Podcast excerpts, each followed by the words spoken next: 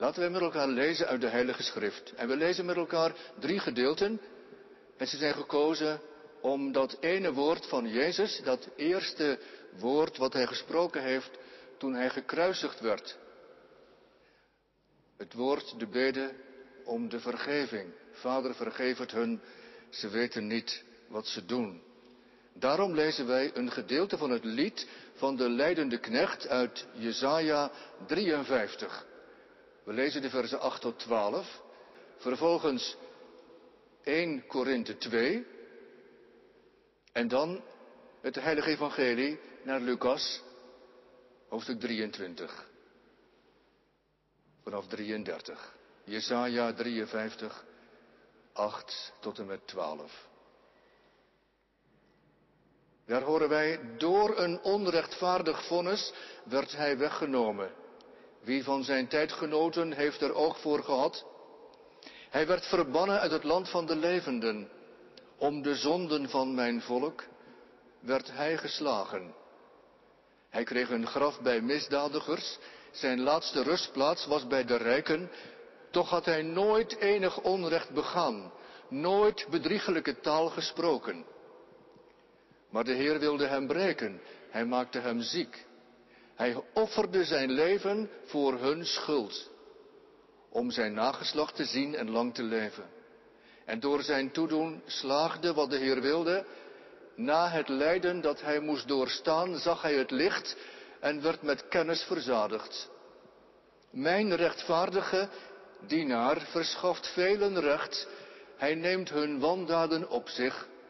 Daarom kan ik hem een plaats toe onder velen, zal hij met machtigen delen in de buit, omdat hij zijn leven prijsgaf aan de dood en zich tot de zondaars liet rekenen. Hij droeg echter de schuld van velen, hij nam het voor zondaars op. Tot zover de lezing uit Jesaja 53. 1 Korinthe 2, te beginnen bij het eerste vers. Broeders en zusters, toen ik bij u kwam om u het geheim van God te verkondigen, beschikte ook ik niet over uitzonderlijke welsprekendheid of wijsheid. Ik had besloten u geen andere kennis te brengen dan die over Jezus Christus, de gekruisigde. Bovendien kwam ik bij u in al mijn zwakheid en was ik angstig en onzeker. De boodschap die ik verkondigde overtuigde niet door wijsheid, maar bewees zich door de kracht van de geest. Want uw geloof moest niet op menselijke wijsheid steunen, maar op de kracht van God.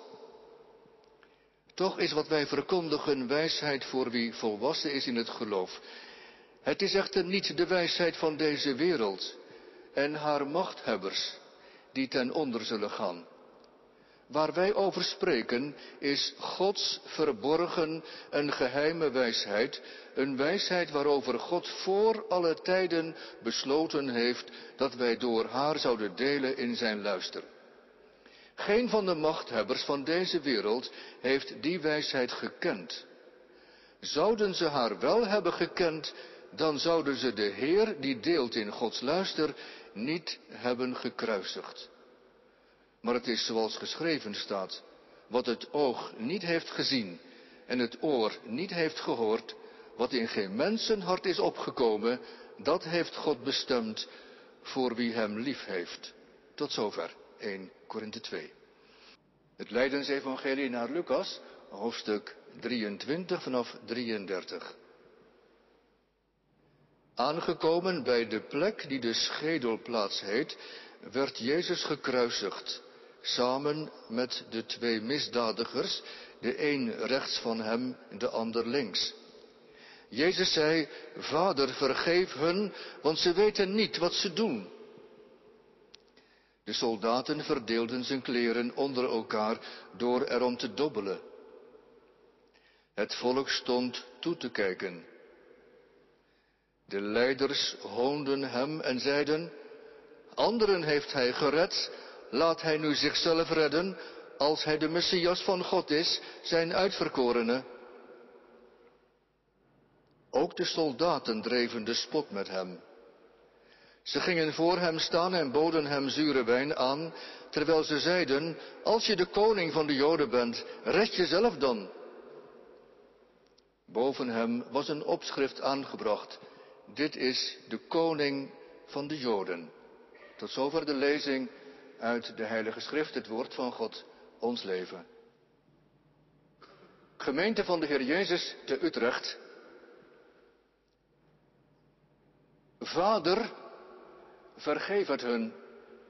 Ze weten niet wat ze doen. Wij betreden heilige grond. Hier op Golgotha. De plek met die lugubere naam, schedel, doodshoofd. Plek van terechtstelling, van oordeel. Toch wel. Heilige grond. Om de schoenen van je voeten te doen. Als Mozes. Hier wordt gebeden. En wie bidt er?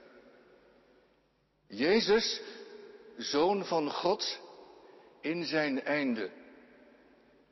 In het allerlaatste van zijn aardse bestaan.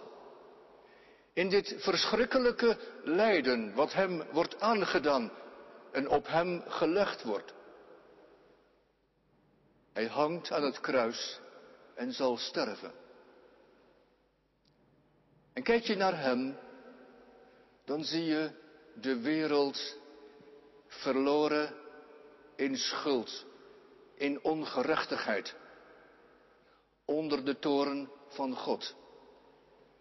Hier sterft met Jezus heel de oude wereld.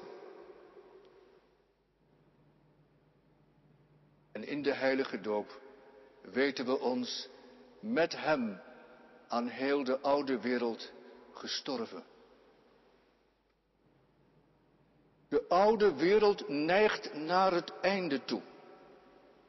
Meer en meer. En dan hier en dan daar zie je tafereelen die je verbijsteren. Hoe lang kan dit zo gaan? Wat moet nog meer gebeuren? Hoe heftig zullen de weeën zijn voor de nieuwe schepping aanbreekt? Golgotha brengt ons bij het laatst van de dagen. In het laatst van de dagen van Christus is nu door hem alles gezegd wat gezegd moest worden van het koninkrijk van God. Alles is gedaan wat gedaan moest worden. Al de tekenen van dat rijk van God dat komt. En dat onder ons is in Hem. En in dat einde, met haar vloek en verlatenheid en de spot en de laster, met haar wreedheid en meedogenloosheid, is er een gebed. En daar luisteren we naar vanmiddag. Jezus bidt aan dat kruis midden in het oordeel waar de wereld als schuldig aan de dag treedt. Jezus bidt. Laten we luisteren naar die woorden om moed te vatten voor vandaag en voor morgen. Dat wij onze hoofden en onze harten opheffen, komen wat komt. Dat wij datzelfde zullen doen en daarin zullen volharden, dat zullen volhouden, tot Hij er is. Bidden. Vader, vergeef het hun, want zij weten niet wat zij doen. Zoals het eerste woord bij Jezus kruisiging, zo is ook het laatste woord een woord waarin Hij de Vader aanroept. Vader, in uw handen beveel ik mijn geest. Heel dit lijden draagt Jezus voor het aangezicht van de Vader. Ook toen hij gevangen werd genomen, nog in de hof in de nacht, toen hij daar streed en bereid moest worden om deze weg te gaan, toen hoorden we hem bidden, Vader, als het mogelijk is, laat deze beker mij voorbij gaan, dit lijden maar niet mijn wil, maar uw wil geschieden. Vader, deze geschonden mens, deze verachte en bespeurde, die naakt te schande hangt tussen hemel en aarde, wiens kleren ze gaan verdobbelen. Het is de Zoon van God, de van eeuwigheid geliefde van de Hemelse Vader. In de kracht van de Heilige Geest en met het woord van de liefde van God is Hij de weg gegaan. Vanaf zijn doop. Je bent mijn geliefde zoon. In jou is al mijn liefde, al mijn welgevallen. Zo ging Hij de weg om ons te verlossen. Om ons een redder te zijn uit de duisternis en de ban van de dood en van het kwaad. Nu is het bijna volbracht. En wij horen hem bidden, hier op Golgotha. De zoon roept de vader. Daarom is deze plek heilig. Is niet elke plek waar gebeden wordt heilig? Als je thuis bidt, hier in dit bedehuis, dit huis van gebed, maar ook in gevangenissen.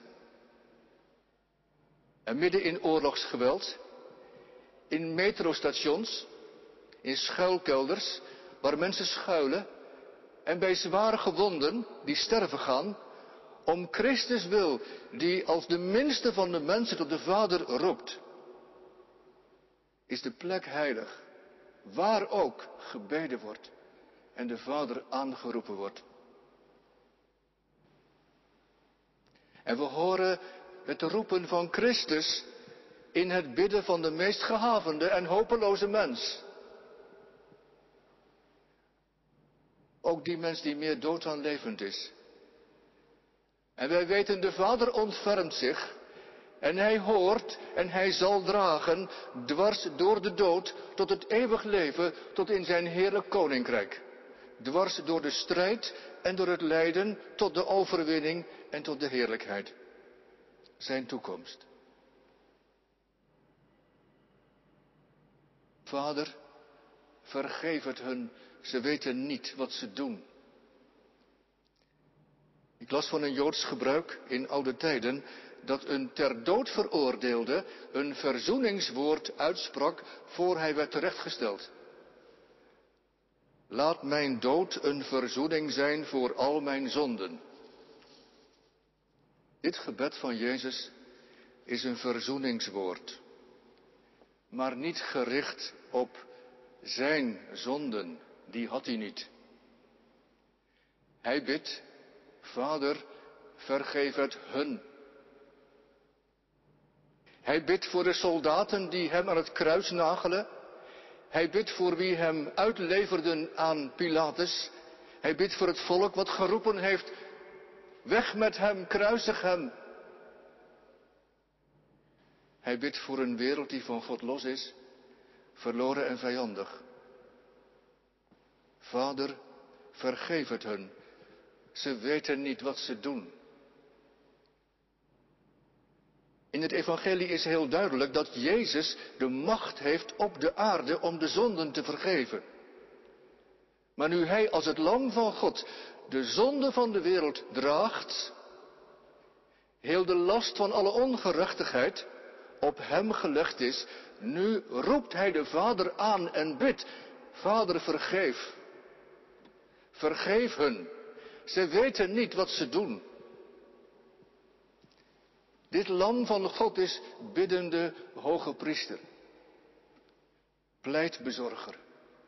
Vergeef het hun.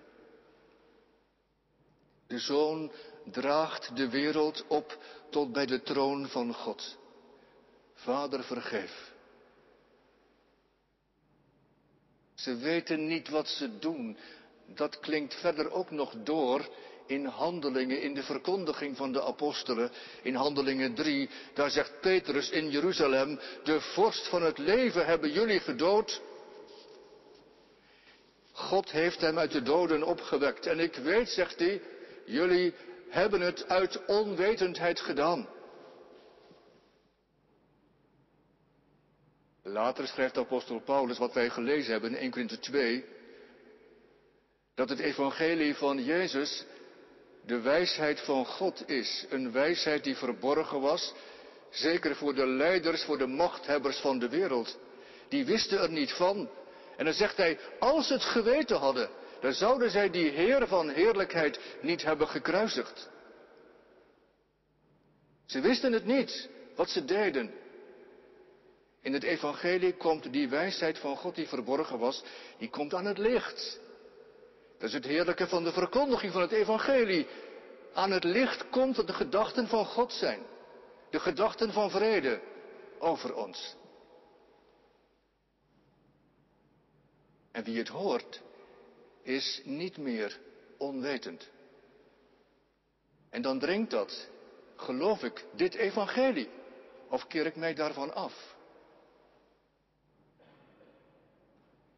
De apostel die spreekt in een brief aan zijn medewerker Timotheus, een jonge vriend van hem.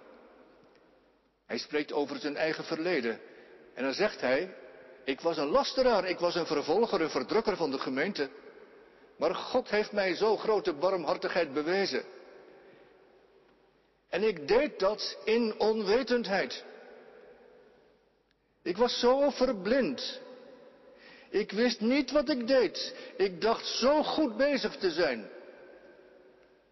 Ik kende Hem niet die mij lief had en die mij tot staan gebracht heeft en die mij in zijn dienst heeft genomen. Ze weten niet wat ze doen. Het is ook het afgrondelijke van het kwade dat mensen doen en dat mensen aangedaan wordt, de verblinding daarin. Denken heel goed te doen. En het helemaal te zijn en te worden. Maar ondertussen.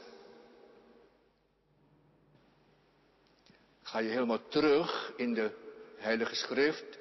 In, het, in de tijd van Israël met de offers in de tempel, de schuldoffers.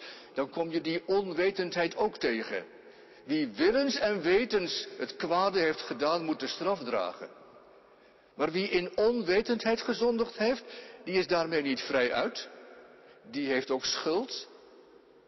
Want wat gedaan is, is gedaan. Maar dan is er een uitweg. In de erkenning van wat je hebt gedaan. Bij dat je ogen open gaan, dat je het ziet wat je gedaan hebt. En dat je dan komt met een schuldoffer als een gebed om vergeving. Er is een uitweg. Wij zien op Golgotha een wereld vol verblinding. We zien daar het offer dat God zelf geeft. En we horen daar het gebed van Jezus. Vader, vergeef hen.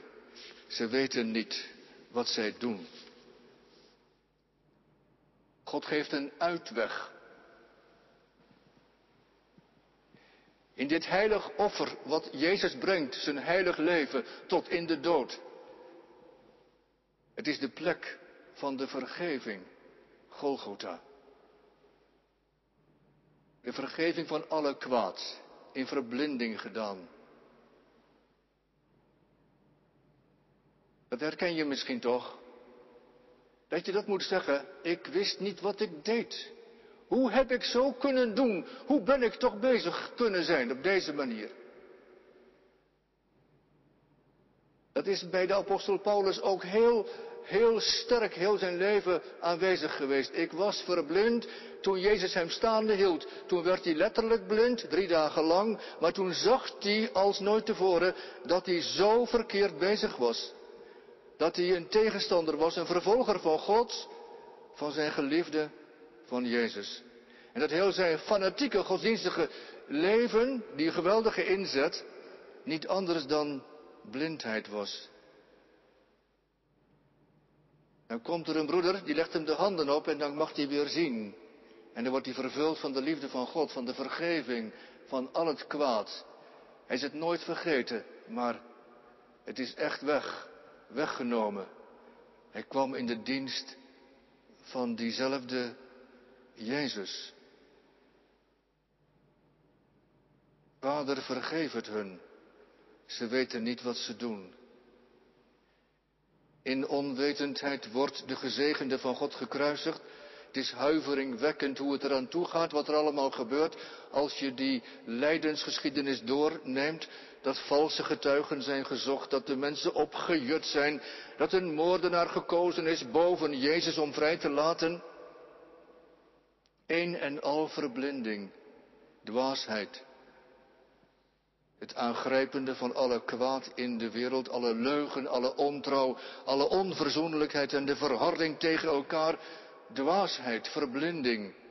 Het lijkt dan wijs, het lijkt dan goed, het lijkt dan sterk, maar het is dwaas en het is slecht en het is zwak, want het kwade wordt niet overwonnen, niet doorbroken. In zo'n wereld die met al haar wijsheid dwaas is, komt God met zijn wijsheid. De gekruisigde die daar hangt op Golgotha is redder. In hem is de liefde van God voor de wereld. En hij gaat haar afgrond in. En hij draagt heel die wereld tot bij de Vader. En hij bidt voor haar. Vader, vergeef. Daarom zijn wij op heilige grond. Huiveringwekkend wat hier wordt geleden en ongelooflijk rijk wat hier wordt gebeden. Hier is de wonderlijke wijsheid van God. Jezus Christus, de gekruisigde, die daar hangt op het bevel van de Romein Pilatus. Hij is redder van de wereld vorst van de vrede. Dit zijn laatste woorden van Jezus en meer is er niet te zeggen. Dit is het getuigenis waar alles in samenkomt van heel de weg van Jezus. Dit blijft het getuigenis tot Hij weerkomt. Meer hebben we niet. De genade en de liefde van God in de gekruisigde, ze zijn genoeg. Daarom zegt de apostel ook in 1 Korinthe 2 wat we lazen. Ik had me voorgenomen om niets anders onder u te weten dan Jezus Christus, de gekruisigde. Want dit evangelie, dit gebed om de vergeving, is de enige grond van onze redding. De enige grond van de vergeving. Van alle zonde, van alle kwaad. In deze bede is er een deur geopend, een uitweg gegeven, een weg naar heerlijkheid, naar verlossing. En leest u nog even door in het Lucas-evangelie, dan zie je daar die deur bijna letterlijk opengaan als tegen die ene moordenaar gezegd wordt, heden zul jij met mij zijn in het paradijs. Golgotha, heilige grond om het gewicht en de rijkwijde van Jezus beden. Die bede staat nog, wordt nog verkondigd, horen wij nog. Het is een vaste pleitgrond. Die bede van Jezus. Het is een machtige vertroosting voor iedereen die loopt te zeulen met zijn schuld. Je mag ermee gaan tot God, omwille van Jezus en zijn gebed. En dan nog één ding. Als we deze beden horen, zullen wij dan ook niet bidden voor de ander?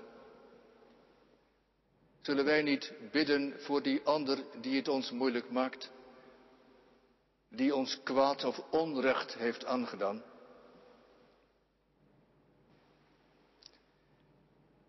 Die woorden, Vader vergeef, zou je die niet bidden? Vader vergeef hem Vergeef haar. Hij weet niet wat hij doet. Zij wist niet wat ze deed. Zo is de eerste martelaar om de naam van Jezus gestorven, Stefanus. Toen hij gestenigd werd. Heer, reken hun deze zonde niet aan, zegt hij in zijn stervengang. Dus om Jezus wil en om de voorbeden van Jezus voor zijn vijanden leren we als zijn gemeente Geen wraak, maar gebed. Geen vloek, maar zegen. Geen verharding en verwensing, maar het goede zoeken waar het maar mogelijk is. En wat aangedaan is, het leggen in de handen van de Vader. Hoe het ook uitwerkt en of die ander nu tot inkeer komt, het gaat zien of niet tot inkeer komt. In dat brengen bij de Vader van het kwaad je aangedaan, komt er ruimte in je eigen hart. Komt er ruimte van leven, van ademhalen. Vrede in plaats van de verbittering die je opvreet. Wel verdriet, maar geen wrok. Het maakt je vrij. Het geeft je lucht, ook al wordt je geen recht gedaan. Je laat het los. Je geeft het over aan God, die het alles weet en die het alles recht zal zetten op zijn tijd, op zijn dag. In ieder geval, als hij zijn laatste woord spreken zal. Het is niet aan mij, het is aan hem. Vader, vergeef het hun, ze weten niet wat ze doen. De meest vreselijke plek op aarde wordt heilige grond. In het diepste donker schijnt het licht van God. Vrede van God om het bloed van de geliefde. Het bloed dat niet roept om wraak, zoals ooit het bloed van Abel. Het bloed dat roept om vergeving. Halleluja. Amen.